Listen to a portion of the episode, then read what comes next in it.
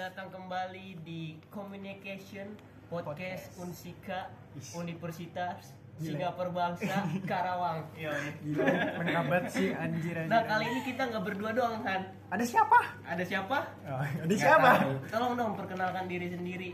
Siapa? Silahkan.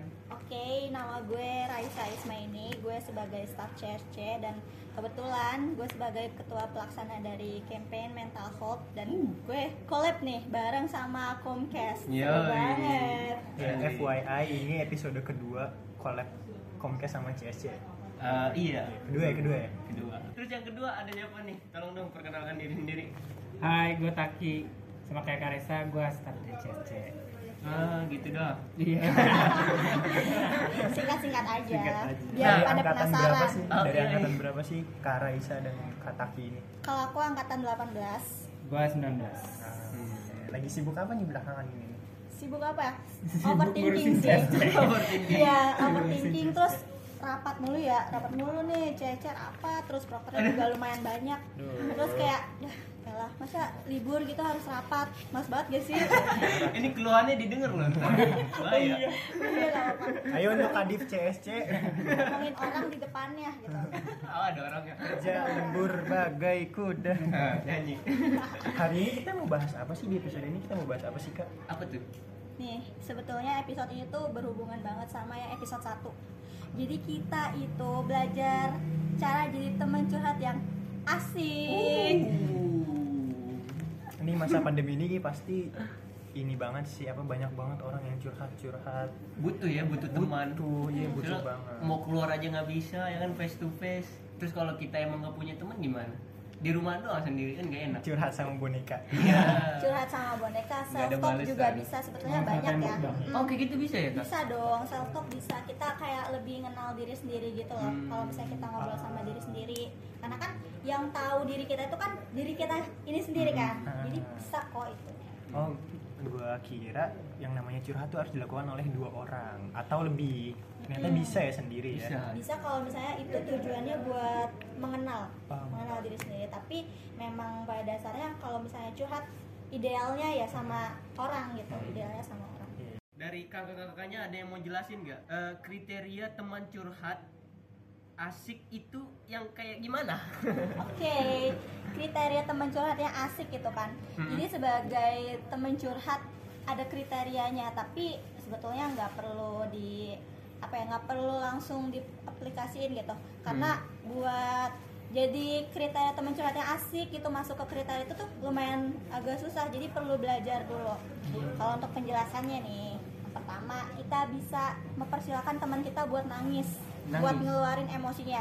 Jadi kita nggak boleh ngomong kayak lo jangan nangis gitu lo eh, jangan marah gitu lo harus kuat. Itu bisa aja ya maksudnya ke toxic positivity gitu kan. itu bukannya malah kita ngedukung ya kak? Biar dia kayak lebih kuat lagi apa gimana gitu? Nah tapi untuk sebagian orang ada nggak sih yang ngerasa kayak gue tuh sebenarnya pengen ngeluarin emosi gue, Udah gue sebenarnya pengen nangis tapi ketika teman lo bilang lo jangan nangis kayak gitu, enak gak sih digituin?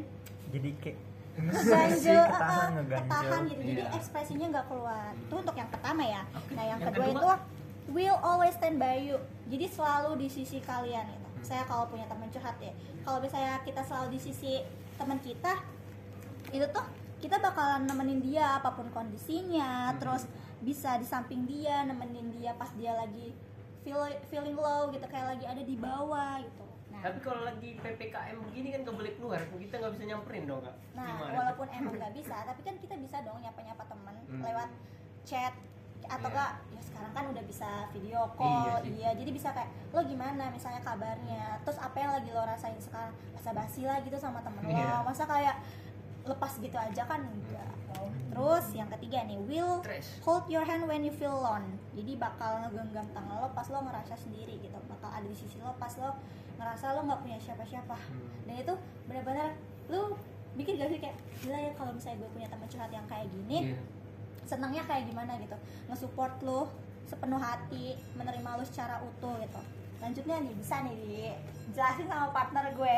Siapa tuh? Takio silakan silakan Apa tuh? nomor 4 Oke, buat selanjutnya paling kayak gua aja ya. Jadi teman apa kriteria teman curhat yang asik tuh kayak eh, siap buat dengerin curhatan temen lo yang lagi sedih itu terus eh, kayak yang tadi dijelasin pertama kali sama Karisa eh, ketika lo diperbolehkan nangis pasti lo butuh pundak buat nangis kan Iya. jadi harus harus bisa jadi pundak buat tempat temen lo nangis Siap. gitu paling itu sih Ini trik yang dipakai buat fuck para fuckboy sih? kamu kenapa Kamu kenapa? sini dan curhat sama aku gitu kan tapi emang betul ya karena nyaman jadi bisa numbuhin perasaan gak sih Ya, baper. iya ceweknya yang baper padahal cowoknya mah iseng-iseng aja Nah, parah sih, gak boleh, gak boleh kayak gitu. Han, lu gak boleh gitu Han. Lu gitu orangnya. Enggak dong. Ah, bagus bagus. Udah enggak. enggak di sini enggak kan nggak tahu isi chatnya Iya. Cuma kalau di poin 3 gue setuju banget sih buat orang yang merasa sendiri itu parah sih kasihan banget masa masalahnya kan di dunia ini menurut Wikipedia 7 miliar orang hidup di dunia ini masa kita masih merasa sendiri gitu pasti kan kayak gimana gitu 7 Enak biliar tuh gimana tuh? 7 meja biliar. beda beda ya? itu sport game beda ini wujud Wujud- eh, Tapi Jumlah. jum- jumlah yang tapi wujud. kadang emang ngerasa pernah nggak sih lo ngerasa walaupun lo banyak teman tapi lo ada suatu saat lo ngerasa sendiri Hmm. gak iya Itu sering banget sih. iya kan pasti ada lah dari kalian atau dari commerce Hmm. di sini yang selalu ngerasa aduh gue kesepian gitu kan gue nggak punya teman padahal temennya banyak gitu kan karena perasaan itu bisa muncul dan itu wajar sih menurut Maka gue dari itu sangat penting untuk menjadi teman curhat yang Baik. Good Asik. listener. iya Betul, banget Tadi poin-poinnya untuk jadi teman curhat yang baik udah disebutin sama tadi. udah udah terus yang kedua ada nggak Han? Iya, terus eh, teman curhat yang baik tuh kayak harus ngapain sih? job desknya gitu Iya, ya kayak Iya, job desk iya benar. kalau job desk nih kayak Iya, kerjaannya kayak kerjaannya mereka tuh ngapain Oke. selain ngedengerin doang apa? Harus Kita ngasih tuh- advice Hmm. atau sekedar jadi pendeng sekedar jadi pendengar atau sekedar jadi pundak aja atau Iya, soalnya ada tuh? ada temen yang setuju-setuju doang, Iya. tapi sarannya nggak ada. Iya. Kan bingung juga. nah jadi sebetulnya ya untuk jadi temen curhat yang asik itu. Kita tuh jangan cuman hanya ngedengerin masuk kuping kiri keluar kuping kanan gitu. Tapi harus pahami perasaannya gitu. Harus diubek lah gitu. Diubek-ubek nih orang kenapa gitu. Jangan cuman kayak oh iya iya oh iya iya. Atau enggak kita langsung ngasih saran gitu aja kan. Iya. blok aja. Lu harusnya nggak kayak gitu. Itu salah. Itu salah banget. Jadi kalau job desk nih ya job desk teman curhat itu tuh? nih biasanya menemani perjalanan lo ketika lo sedang mencari harapan Hmm. dan ketika lu menolong temen lu dan lu kayak ngeluangin waktu mereka eh, ngeluangin waktu lo untuk mereka gitu kayak lo Hmm. sengaja ngeluangin waktu lo untuk mereka yang emang lagi butuh lo dan yang terakhir itu nemenin perjalanan temen lo untuk sembuh dan menurut gue itu poin yang paling susah Iya, itu susah banget sih yang, buat yang poin sembuh. ketiga. Mm-mm. memang eh, idealnya seperti itu ya karena kita juga nggak nggak harus nggak nggak bisa langsung lah gitu untuk menerapkan itu tapi kita bisa belajar gimana caranya supaya jadi pribadi yang lebih baik dan useful buat orang-orang Makanya harus terus berusaha untuk ada ya kan? Untuk ada buat si pem- pembicara, Pak. Si teman, Si teman curhat ini. yang lagi sedih kita harus selalu ada. kalau menurut lo Taki gimana nih sama sih mirip sama Karesa ya paling yang nemenin nemenin lo pas lagi men- apa pas lagi curhat Lagi ngebantu lu. Ya ngebantu lu ngebantu lu cari solusi terus nemenin lu di proses healing lah gitu. Sampai lu sampai gitu loh di proses selesai sampai proses healnya gitu. Lu respect banget sih buat temen kayak gitu, sumpah. Hmm, dan jarang ya. Tapi kan karena kita udah dapet insight dari sini mungkin nanti kalian ya buat commerce atau di sini komkes gitu kan bisa untuk diaplikasiin gitu terapkan pelan-pelan Mm, diterapkan pelan-pelan karena menurut gue umur-umur segini lagi capek-capeknya burnout gitu kan kayak eh, pusing sama banyak banyak masalah gitu kayak banyak masalah padahal apa gitu kan nah maka dari itu kita tuh harus butuh teman curhat supaya bisa lebih lega gitu. Tapi biasanya eh, kalau kita kan punya temen nih ya.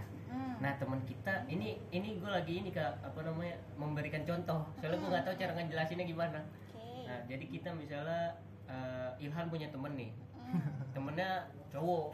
Hmm. Nah temennya Ilhan curhat ke Ilhan gitu ya kan? Gini Tentang- perumpamannya gampangnya. Ah, gimana? Lu curhat ke gue. ah ya gitu aja ya misalnya nih misalnya nih ya misalnya Oke. gua kan temennya Ilhan Hmm. jadi Rigel cerita ke Ilhan Hmm. Nah Rigel ini punya pacar cewek pastinya dong terus serem kalau bukan cewek tuh harus dijelasin takutnya orang otaknya ke mana-mana iya oke lanjut Hmm. harus detail ya Harus. biar tidak kesalahpahaman Harus. lanjut Nah, Rigel ini curhat ke Ilhan tentang masalah Rigel sama pacarnya. Ceritanya ada masalah lah gitu, tapi sebenarnya di sini Rigel tuh yang salah, bukan ceweknya. Nah, itu eh, sikap Ilhan ke Rigel harus gimana? tuh? Gue harus gimana biar Hmm. jadi temen curhat yang asik buat Rigel gitu Walaupun Rigelnya yang salah. Iya. Oke, pertama, pertama banget lo harus punya telinga untuk ngedengerin Rigel gitu. Telinga Kayak- gajah. Ya bisa, boleh jadi lebih lebar dan telinga gajah juga misalnya harus masuk semua ya apa yang diceritain sama Rigel gitu. Masalahnya apa aja, lo harus ngedengerin dulu, dengerin aja dulu, terus menerima, ngebuka, ngebuka diri, menerima secara utuh. Misalnya walaupun lo salah gitu, ya udah lo dengerin dulu, abis itu ketika lo mendengarkan, lo bisa ini nganalisis gitu Hmm. di bagian mana salahnya dan kalaupun misalnya keuntungannya kalau misalnya lo itu temen de- deket banget gitu dan si Ilhan nih tahu latar belakang lo kayak gimana Ya. terus tahu penyebabnya apa Udah deket banget dah, udah Hmm, lengket. mungkin dia bisa mengerti gitu kenapa lo bisa ngelakuin hal yang sebetulnya beda sama folionya ngambil point of view temennya kan Mm-mm, ngambil sudut pandang lo gitu. Kayak gue tahu latar belakangnya kayak gini gitu kan. Gue tahu em, dia tuh bisa kayak gini karena apa? Gue mikir aja gitu kan karena oh mungkin gini gini. Jadi Ilhan tuh bisa lebih ngerti loh bisa nger- lebih ngerti gimana di posisi lo kayak gitu. Dan dia juga gue yakin pasti bisa nemuin problem solvingnya sendiri gitu. Bisa nemuin solusinya. Terus juga karena deket bisa ditanyain lo sebetulnya minta advice dari gua atau cuman minta dengerin doang? Hmm. gitu. Biasanya dikasih disclaimer kalau misalnya mau curhat lo emang curhat ke gue tujuannya apa nih? Minta didengerin doang pembenaran atas opini lo gitu. Atau gimana? Kayak gitu sih sebetulnya. Lagi kalau misalnya udah dekat kan lebih enak ya buat eh, Lebih ngomongnya lebih kayak lebih masuk lagi gitu bahasanya ya. mm, lebih masuk lagi Gitu sih menurut gue ya jadi sebelum ngasih advice harus coba memahami dulu betul menerima secara utuh walaupun emang dia yang salah gitu tapi kita jangan judging gitu jangan apa jangan ngehakimin dia gitu lo salah lo harusnya nggak kayak gitu gimana sih terus lo gitu kan gue temennya Rigel gue jadi ngebelain Rigel padahal Iya. itu bukan sesuatu yang benar Hmm, nanti lu kasih tahu aja ujungnya gitu. Oke, eh, gue tahu lo ngelakuin ini karena ini. Tapi apa yang lo lakuin itu salah gitu. Dan lo seharusnya nggak kayak gitu gitu. Nanti lo jabarin aja kesalahannya kayak gimana. Tapi dengan secara asertif, secara baik gitu kan supaya enak gitu.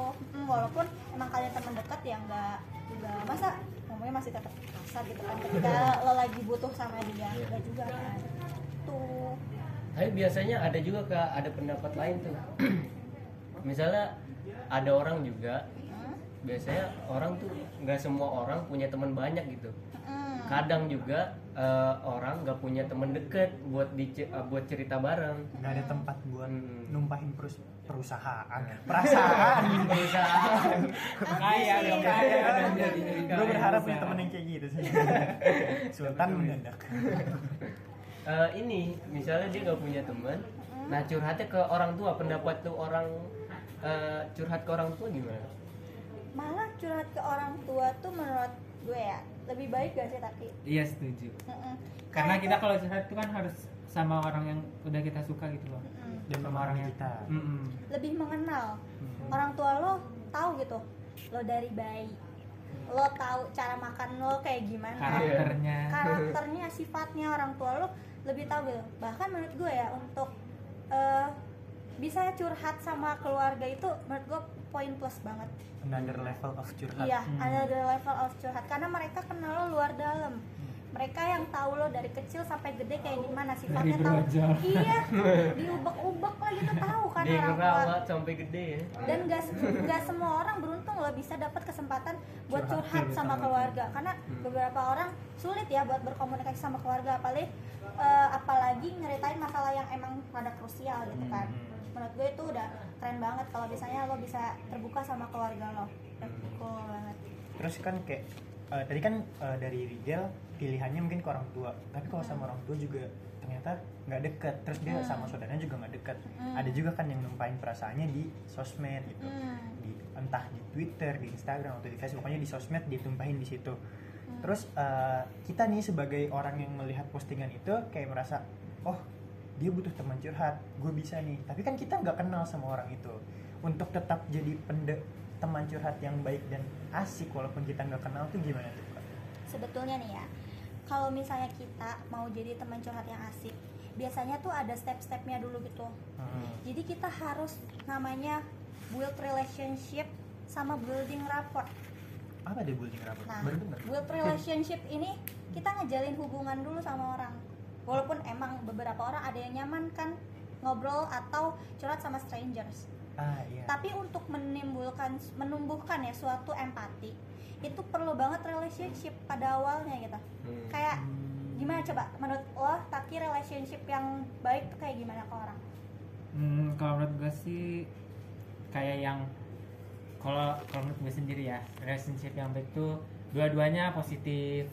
Maksudnya memberikan hal yang sama-sama yang positif. Hmm, frekuensi satu Ya, frekuensi. betul. nah oke paling berarti kayak gitu sih. relationship tuh lebih kayak gini loh. Kita punya hubungan saudara itu kita bisa jadi punya hubungan kan? Hmm. saudara satu kelompok Hmm. satu univ Satu bisa aja kalau kelas. saya kenal gitu ya. Terus misalnya kita punya grup kayak gini Comcast teks CFC gitu kan. Hmm. jadi kita punya nih hubungan gitu. Udah terjalin hubungan dan itu bisa juga nimbulin suatu kenyamanan untuk cerita karena kita udah sama-sama saling kenal. Hmm, kayak gitu. Sudah terbangun relationshipnya. Betul. Nah udah bonding lah ya gitu. Mm-mm, udah udah tahu orangnya kayak gimana gitu. Jadi makin nyaman untuk curhat gitu.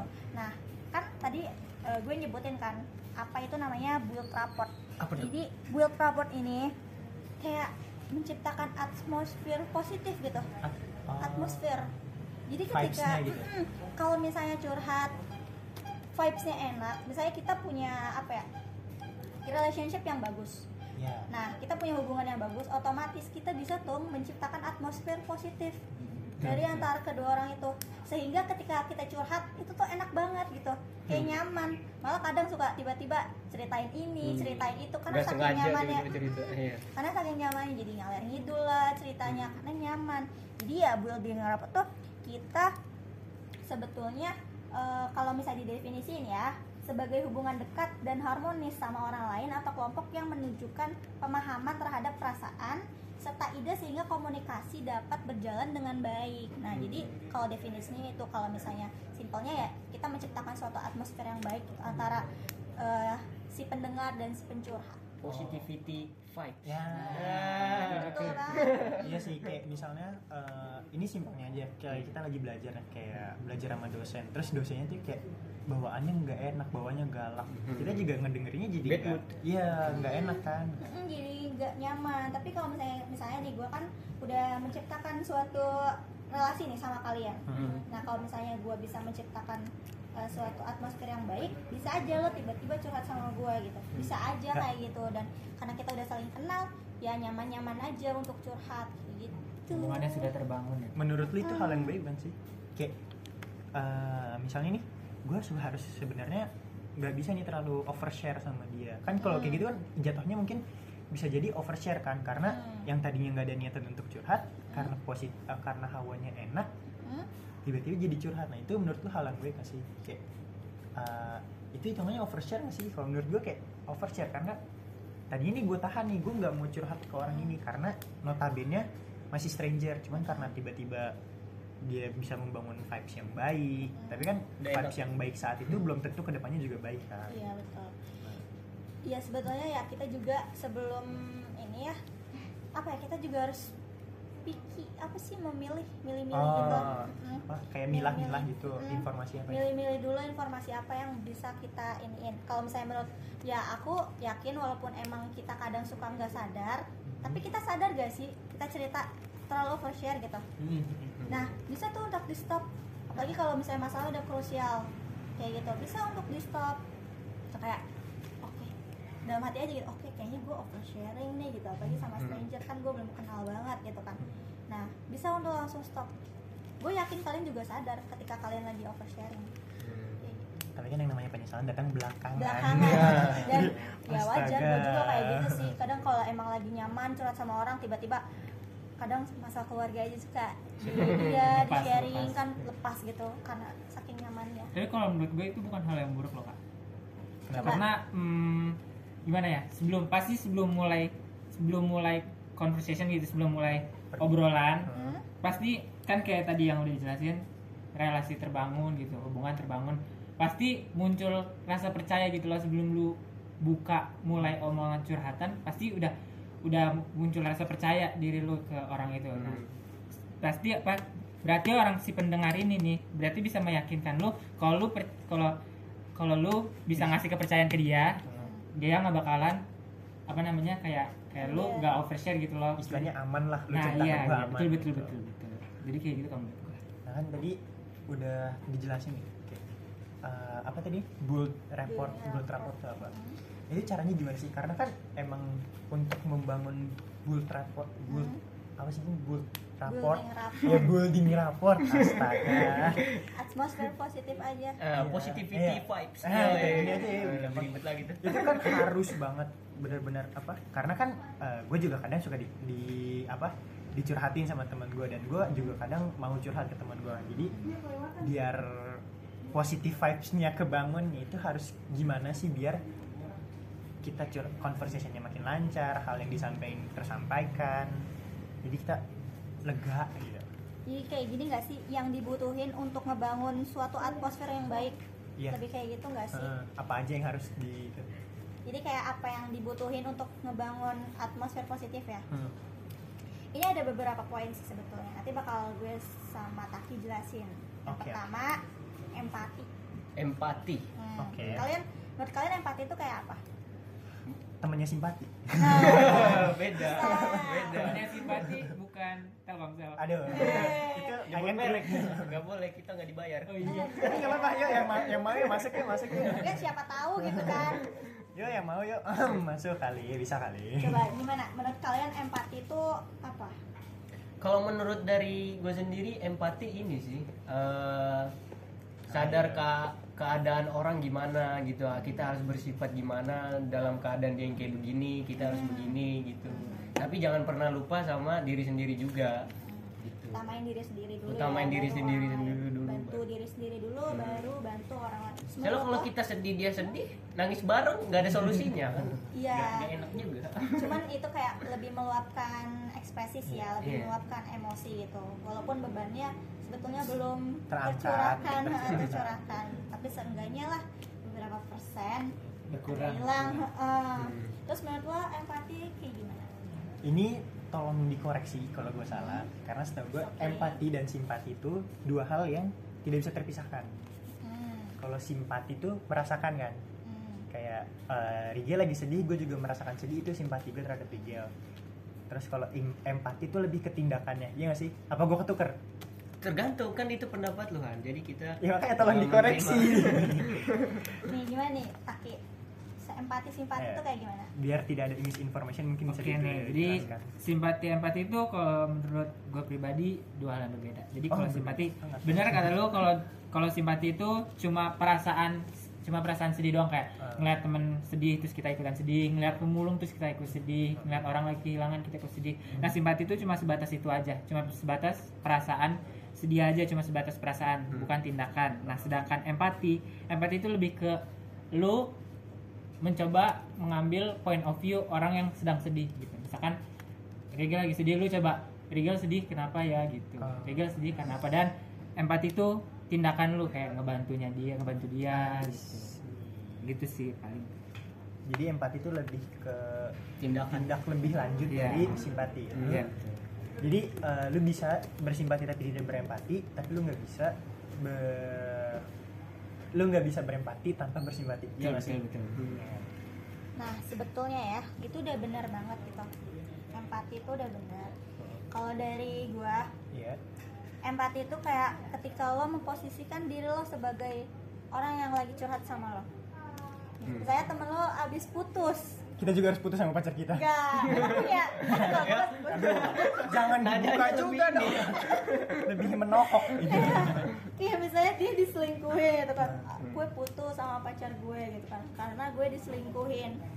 Ketika temen lo cerita Lo coba di posisi dia gitu. Gimana sih rasanya diput- diputusin? Apalagi karena perselingkuhan gitu? Sedih gak sih? Marah? Gue sih ngamuk gitu kan kayak apaan sih? Nyantet, nyantet. gitu iya. Gerbek nggak keren gerbek sih gerbek selingkuhannya gitu kan. Lo kalau mau gerbek gue bantuin ntar boleh kamera tapi gerbek siapa? Ke situ lagi. Nggak ada. Nggak ada gitu orangnya. Jadi gitu ketika lo memposisikan diri lo sebagai teman lo rasanya disakitin karena selingkuh itu kayak gimana? Sedihnya kecewanya. Jadi soal lo gitu yang ngalamin terus kadang empati ini sebetulnya ya bikin kita agak capek juga. Capek gimana? Pernah nggak sih capek fisik ngerasain? apa capek batin pernah nggak sih ngerasain ketika lo dicurhatin yang benar-benar krusial banget gitu masalahnya? Lo ikutan capek energi lo ikutan habis. Itu kadang dia punya empati yang gede banget. Kayak nerima tekanannya gitu. Terima Oh. tekanannya jadi bro kayak apa sih? Ngerasain. Ikut Iya. ikut stres gitu. Ikut stres. Oh Sejujurnya, iya pernah pernah pernah. gue sering banget kayak gitu. Ketika empati tingkat tinggi. Ya. Te- tepuk tangan sih? Bukan suatu yang perlu Boleh. dibanggakan sebenarnya bukan sesuatu yang perlu dibanggakan bahkan itu bisa kayak jadi loss gitu loh. Jadi Hmm. jadi terlalu kalau nggak bisa ngontrol diri sendiri. oh jadi Jadi kita jadi bisa kita lupa sama ngontrol. kita- diri kita sendiri. Iya jadi nggak bisa ngontrol. Kan harusnya ketika jadi teman curhat yang asik lo posisinya ya netral bisa Sebatas ngontrol pendengar. gitu kan. Fokus bisa. ke dia dulu lah hmm, kalau fokus ke bisa. dia dulu. Ini kita karena terlalu ngerasain sakitnya lukanya kayak gimana gue pernah sampai ikutan capek banget sampai gamut ngapa-ngapain. Karena saya dia krusial banget ceritanya. Dan gue ngerasain sumpah gimana ya kalau ada di posisi dia capeknya gimana nangisnya gimana dan kondisinya dia tuh setiap hari kayak gimana tuh capek banget. Sampai mau dicurhatin juga gue sampai bilang gini ke temen gue gue sekarang lagi nggak bisa dicurhatin tuh yang gitu kan. Karena emang capek. lagi capek gimana sih capek gitu? Hmm, Kadang capek batin gitu ya. ngerasain yang lemes gitu padahal kita nggak ngelakuin aktivitas Jadi bad fisik mood gitu gitu ya. kan tapi emang sih capek batin tuh ngaruh banget ke fisik. Ngaruh banget ke fisik jadi males bukan males jadi ya rasanya capek batin tuh ya gitu lah kalian mungkin pernah ngerasain kan. Commerce juga pasti pernah Pernah ngerasain ngerasain. gitu ketika kalian punya empati yang besar terus dicurhatin sesuatu yang emang krusial gitu kan. Ketika kalian mencoba untuk relate itu bakal keserap gitu energinya. Mm-mm, kayak gitu. Tapi perlu apa di garis bawahi gitu. Kalau misalnya emang punya empati ya kita harus bisa inilah memposisikan diri kita gitu. Jangan sampai terlalu eh, terlalu lost gitu terlalu jatuh gitu. Gitu. Hanya sebagai alat buat cari solusi aja kali ya kayak Mm, memang Betul. sesuatu yang berlebihan itu sangat tidak baik. Iya, apa pun itu- bentuknya. Apa pun bentuknya tuh nggak baik. Terus ada lagi sebetulnya tuh? awareness ngebuka diri. Jadi di sini tuh maksudnya sebagai tanda bahwa lo tuh paham apa yang lawan bicara lo curhatin. Nggak cuman dengerin doang tapi lo juga paham gitu. Ketika orang lain terbuka sama kita kita harus kasih feedback dengan memperlihatkan keterbukaan sama dia. Lebih open. Jadi kita menerima dia secara utuh gitu. Kita menerima pesan perasaan yang dia alami. Jadi kita harus menerima semua itu gitu. Jadi jangan di jangan menunjukkan sikap lo tertutup ketika temen curhat lo cerita gitu. Ntar malah makin kayaknya gue eh, ada gimana ya bikin dia nggak nyaman Mikirnya ke mana-mana ntar ya. Mm, jadi pas curhat gimana sih kalau lagi curhat terus malah mikir kayak dia gak nyaman kali ya otomatis lo stop kan untuk curhat dan ke ini nggak sih kepotong gitu nggak sih apa yang lo mau sampein malah jadinya kepotong kayak Iya. gitu untuk poin selanjutnya bisa Apa nih tuh? dijelasin sama Kiowo ngomong ngomongin ngomong namanya harus begitu ya? Ada nadanya. Takio lanjutin ya jadi eh, dua poin selanjutnya yang bisa membangun raport nih. Yang pertama tuh menghilangkan sikap judgmental jadi Judgmental. iya kalau ya kalau kita mau membangun apa hubungan vibes yang baik gitu di antara kita sama teman curhat kita nggak mungkin kan kita kayak misalkan lagi cerita nih tentang eh gue baru putus sih sama sama pacar gue gini gini gini. Terus teman curhat kalian kayak ah lu mah baper banget gini gini gini Itu kan. Kayak eh apa nih? Ya Sakit udah jadi nah nambah ya. jadi berhenti kan ceritanya. Jadi ya kalau mau bangun raport yang baik tuh Ya. ya harus gak judgmental dulu lah gitu. Tidak tidak tidak langsung menilai gitu. Jadi terima dulu. Oke. terus selanjutnya ada cross cultural sensitivity. Jadi ini tuh cross cultural tuh nggak cuma kayak kayak budaya asal lo kayak hmm, lo budaya Batak gitu. Tapi ini lebih ke kayak kebiasaan terus kayak ini apa namanya kelas ekonomi gitu gitulah background background yang yang mungkin lu harus tahu ke temen curhat lo. Jadi lu bisa bisa memahami gitu loh posisinya dia gitu. Jadi dengan kita tahu latar belakangnya, semakin kita paham, itu bisa buat numbuhin empati, raport yang baik gitu. Kalau misalnya gue ngerti nih, misalnya lu cerita tentang eh, keluarga, terus gue tahu kalau misalnya lu punya seorang keluarga yang strict parents gitu, Hmm. kayak lu lu sebenarnya pengen main ke mana-mana, tapi posisinya gue tahu kalau lu itu punya orang tua yang strict parents gitu kan. Jadi dengan gue tahu latar belakang lo, gue jadi bisa lebih paham. Jadi, Ngertiin lah iya, pokoknya. lat- latar belakang budaya juga bisa itu bisa lebih bikin koneksinya tuh makin Kencang lagi. pemahaman Iya. pemahaman dari ceritanya jadi lebih koneksinya Jadi balik- 5G gitu. balik lagi harus apa pahamin orangnya dulu ya baru Iya. dengerin ceritanya. Berarti se- semua dari semua intinya adalah komunikasi ya paling penting. iya. Komunikasi. Pahamin dulu. Jadi komunikasi itu kan gak sebatas kita ngomong Ngobrol, tapi betul. kita mendengarkan. Itu yang paling penting. Di mana lo ngedengerin lo pasti kayak sesimpel lo ngedengerin tapi lo bisa dapat insight banyak gitu.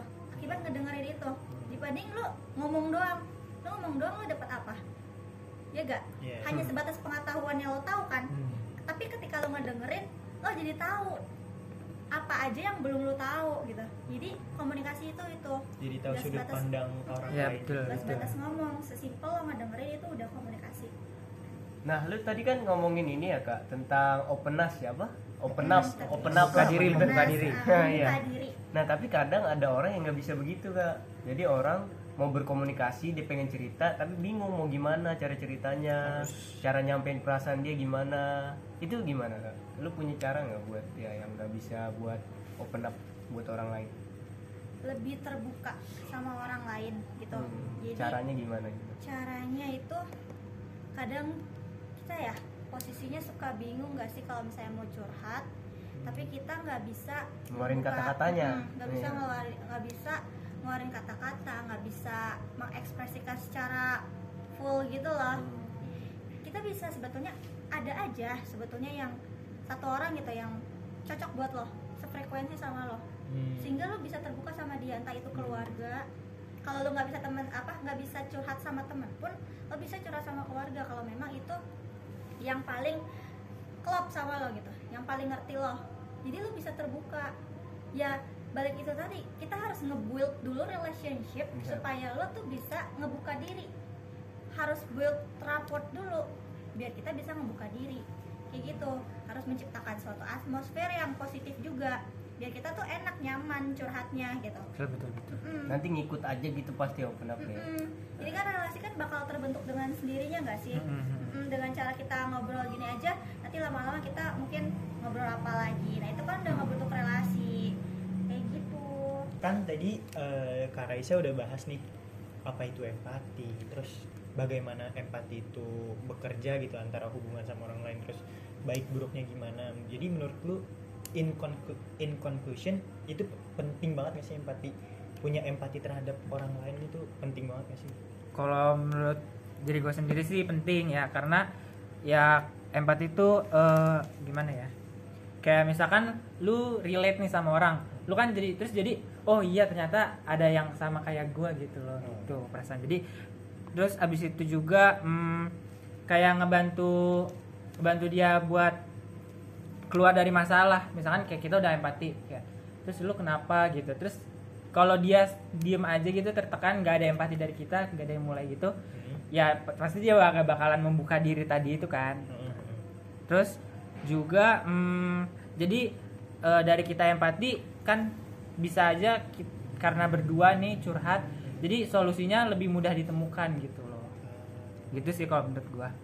Jadi empati itu penting untuk membuat eh untuk membuat untuk membangun sebuah raport yang baik atau positive vibes yang baik biar jadinya eh, komunikasi curhatnya tuh makin lancar gitu ya. jadi empati itu bisa memvalidasi emosi gitu. Jadi ketika memvalidasi emosi kita pasti kayak bakal ngomong oke eh, orang ini ngerasain apa sih gitu? Ngerti bisa ngertiin Ah, gua bisa gitu. ngertiin perasaannya gitu. Itu jadi kita bisa ngevalidasi emosinya. Kita juga bisa ngebantu eh, dia untuk keluar dari masalah. Kita Iya. bisa ngebantu dia untuk keluar masalah. Terus kita juga bisa yang tadi tadi kasih tahu ya ngasih point of view ya dari pandangan maksudnya dari sudut pandang yang berbeda gitu. Kayak gitu jadi bisa lebih cepat Pentingnya. ketemu solusinya dari masalah. Itu tapi kan ada beberapa orang nih yang dia tuh cuek gitu. Emang dari dalam dirinya cuek. Jadi dia eh, kayak untuk berempati tuh kurang. kurang. Menurut lu orang-orang kayak gitu tuh dia kesulitan untuk berempati atau emang dia memilih untuk nggak mau berempati? Sebetulnya pernah ketemu sama orang yang ngakunya nggak punya nggak ya kurang punya empati. Cuek iya cuek gitu. Tapi menurut gue ya menurut gue ketika lu emang udah dekat sama dia Hmm. udah ngebangun hubungan yang baik sama dia Hmm. dia pasti bakal nungguin empati dengan sendirinya otomatis padahal dia bilang sendiri loh dia dia udah ngasih tahu kayak gue tuh orangnya kayak nggak terlalu empati Bodo sama orang cuek. gitu. iya gue nggak terlalu empati gue nggak punya rasa yang kayak hmm, gue nggak bisa lah ngeposisiin diri gue sebagai dia gitu kan Hmm. tapi sebetulnya ketika lo emang udah udah apa ya Udah punya membangun- koneksi. Mm, udah punya koneksi lo aktif chatan misalnya kayak gitu itu pasti muncul muncul Hmm, kadang orang emang juga gitu sih dia cuek cuma untuk orang-orang yang nggak terlalu kenal buat dia cover Gitu. aja ya cover Iya covernya doang. Cuma kalau emang udah deket banget, udah nempel banget, justru malah cueknya nggak kelihatan gitu. Iya. Biasanya orang ada yang begitu. jadi menurut lu untuk orang-orang yang kayak tadi tuh mereka tuh keber- berkesulitan untuk berempati karena kenapa sih karena apa itu ada faktor apa yang bikin mereka untuk kesulitan berempati sama orang lain biasanya ya untuk kesulitan berempati sama orang lain tuh karena isu personal jadi pernah punya masalah Hmm. atau enggak trust issue trust issue Mm-mm. benar banget misalnya gini deh lu rigel minjem duit ke gue Ya. tapi lu curhat sama gue tapi lu belum bayar utang lo gitu gue kan gedek ya kak ih si Rigel belum bayar utang ke gue gitu tapi dia curhat Ceritanya sama udah panjang gue. banget. Hmm, kan tapi dia curhat sama gue gitu karena kita punya isu personal misalnya sama lo itu rasa empati itu bakal berkurang gitu. Jadi bukan menumbuhkan empati tapi makin sulit untuk berempati. Nah selain isu personal tadi biasanya nggak sesuai sama value kita. Apa yang nilai yang kita pegang sama nilai yang lo pegang tuh beda. Kayak misalnya ya misalnya ini agak sensitif misalnya nih. Lo curhat gitu temen lo curhat tentang dia pacaran sama lawan jenis maksudnya sesama jenis, Oh, Nah, ah. misalnya nih ya pacaran sama sesama jenis otomatis lo kaget kan lo kaget karena value yang lo pegang itu beda apalagi kan? tabu banget kan di tabu Indonesia banget ha-ha. Hmm. jadi dengan dengan nilai yang berbeda itu bisa menghambat empati kecuali kalau lo open terbuka open minded gitu bahwa apa ya bahwa ya udah gak apa-apa gitu kan. Kalau lo menerima dia secara utuh ya lo pasti fine fine aja. Tapi kalau misalnya lo close minded tertutup pikirannya pasti lo bakalan ngejudge dia Hmm. tanpa sadar gitu. Karena value yang lu punya sama dia tuh berbeda. Terus ada lagi ada orang yang emang gak pedulian aja gitu. Ya udah bodo amat gitu. Dia dia ini bukan gue. Nah itu kan emang ah, memilih untuk cuek gitu ya? Mm, memilih untuk cuek karena itu karena nggak ngebuild rapport dulu nggak ada atmosfer positif jadinya Nggak ada nggak koneksi. nggak ada koneksi jadinya si empati ini nggak akan muncul. Kayak gitu kesulitannya. Kalau lu biasanya kesulitannya apa nih? Kalau gue pribadi sih paling kayak hmm, buat nyambung sama orang kayak buat nyambung sama orang itu kadang kalau kita beda karakteristik gitu kayak beda prinsip susah kan buat nyambungnya. Paling itu sih. Terus eh, sama hmm, kalau misalkan gue pernah ngalamin kayak kehilangan orang tua atau gimana gitu terus eh, lu belum pernah kadang kayak pengetahuan dan pengalaman kayak gitu tuh bikinnya itu yang bikin susah kayak Untuk karena berempati. nah iya jadi kayak kita nggak pernah ngerasain jadi kita susah buat ngambil Nggak tahu rasanya. nah Nggak tahu itu rasanya. iya betul betul kadang juga suka ada orang yang nyeletuk ah lu mah nggak ngerasain gitu padahal kita udah Untuk- berusaha ya Hmm, buat coba. ngeposisiin diri kita sebagai dia dan itu udah effort banget Tapi emang kalau orang ngomong kayak gitu kita harus ngertiin sih namanya dia lagi sakit hati, Mm-mm. udah capek banget ya kan, nggak ada yang bisa ngertiin dia. biasanya emosinya udah udah nggak kontrol. iya. iya Jadi kita harus balik lagi harus sabar paham sih. Hmm, harus sabar harus memahami apa yang lagi dia rasain gitu Nanti kalau kita sakit hati sama kata-kata dia malah berantem kita. Ngurusin relationship yang udah kita bi- bikin, yang udah yang kita bangun ribet lagi ntar ini. cocok kayak Iya. gitu. Jadi dari lu sendiri ada nggak kayak saran-saran biar bisa nih kita berempati sama orang? Tapi ya masih dalam batasan kayak gue pengen deh bisa berempati sama orang gimana caranya? Nah dari lu ada nggak sih tips-tipsnya atau kayak cara-caranya? Ya boleh ke Raisa atau ke Taki Oke dari gua ya caranya biar bisa berempati itu kita harus menumbuhkan rasa peduli ya buat kesejahteraan orang lain gitu, buat kebahagiaan orang lain yang lagi emang ngerasain kesulitan. Jadi kalau kita peduli otomatis kita jadi berempati gitu. Empati kita tuh tumbuh. Makanya harus banyak jangan terlalu cuek lah gitu sama lingkungan sekitar tuh gitu kan toh nggak salah jadi orang baik kan nggak salah kan jadi orang baik nggak salah jadi orang yang useful Iya. kenapa harus rugi untuk berempati sama orang kenapa harus ya mungkin emang karakteristik seseorang berbeda ya Hmm. tapi nggak ada salahnya buat jadi orang baik gitu nggak ada Pasti. salahnya Mm-mm. nah itu perlu kita perhatikan ya terus kedua ada juga nih perspektif taking nah perspektif taking itu kecenderungan individu untuk mengambil sudut pandang orang lain secara psikologis misalnya ketika lo lagi marah Hmm. kita tuh bisa kayak em, kita kayak ngerasa emosinya terus kita mikir kayak kok dia bisa sih sampai kayak gini? gitu. Coba memahami. Kembali Coba lagi point of view sudut Iya. pandang. Iya. iya. Jadi sebetulnya cara jadi teman curhat yang asik tuh berkutat di situ pemahaman komunikasi rasa peduli empati ya dasarnya itu itu aja dasarnya gitu. itu relationship building rapport gitu kan itu emang benar-benar cara untuk bisa jadi teman curhat asik itu dasarnya Hmm. nah ada lagi kan nanti dibahas tuh di episode 3 buat aplikasinya ah, Tuh. ya. apa be a good listener, listener Good Listener itu aplikasinya gimana supaya kita bisa eh, teman kita nyaman gitu curhat sama orang lain kayak gitu Oke. Jadi intinya kalau mau jadi pendengar yang baik itu pertama Hmm. harus peduli ya. peduli, Peduli dulu. ya. Itu mulai peduli dulu biar uh, tumbuh empati dalam tubuh kita. Habis Hmm. itu mencoba memahami Hmm, biar uh, kita tahu kenapa sih dia bisa sampai melihat dari sudut ya, pandang uh, dia bisa sampai ngerasain itu dia sampai bisa berbuat itu. Yang terakhir apa tadi? empati. Ini empati itu. yang mencoba memahami yang terakhir tuh. Building rapport iya building rapport biar komunikasinya lancar biar Iya. orang itu vibes-nya bagus buat Iya, curhat. biar orang itu terbuka sama kita ya. Positivity vibes. Yo, Oke. gila yang sih insightful banget gak sih bahasan kali ini?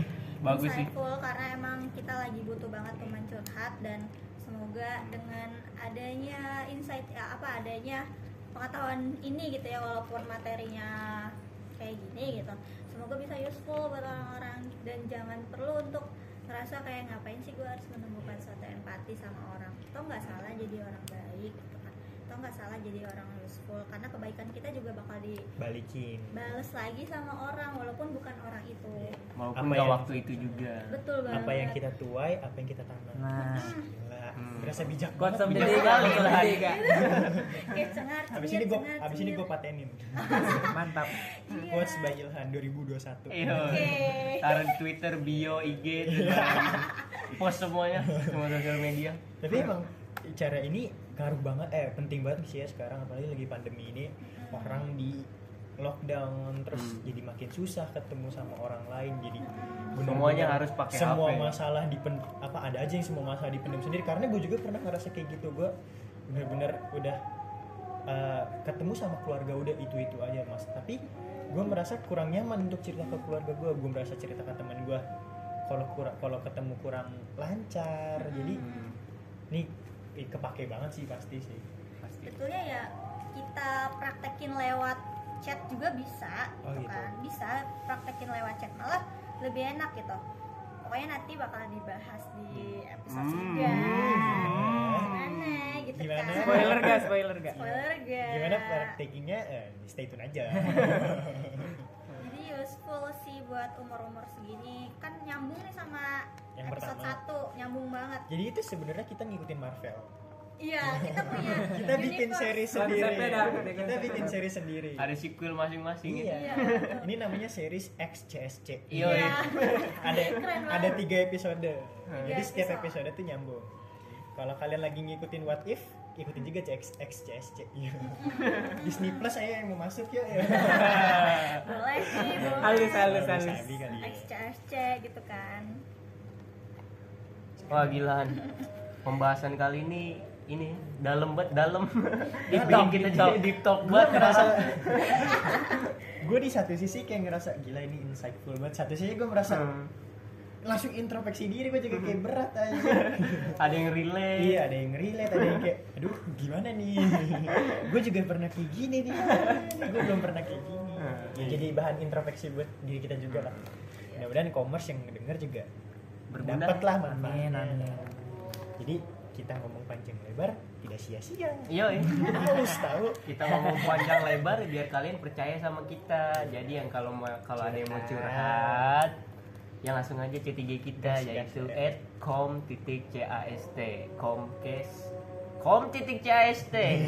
Nah kalau kalau yang nggak punya IG itu bisa aja ke Twitter kita yaitu underscore comcast underscore c o m m c a s t. Yang nggak punya Twitter IG bisa di tweet eh bisa di nggak mungkin nggak punya.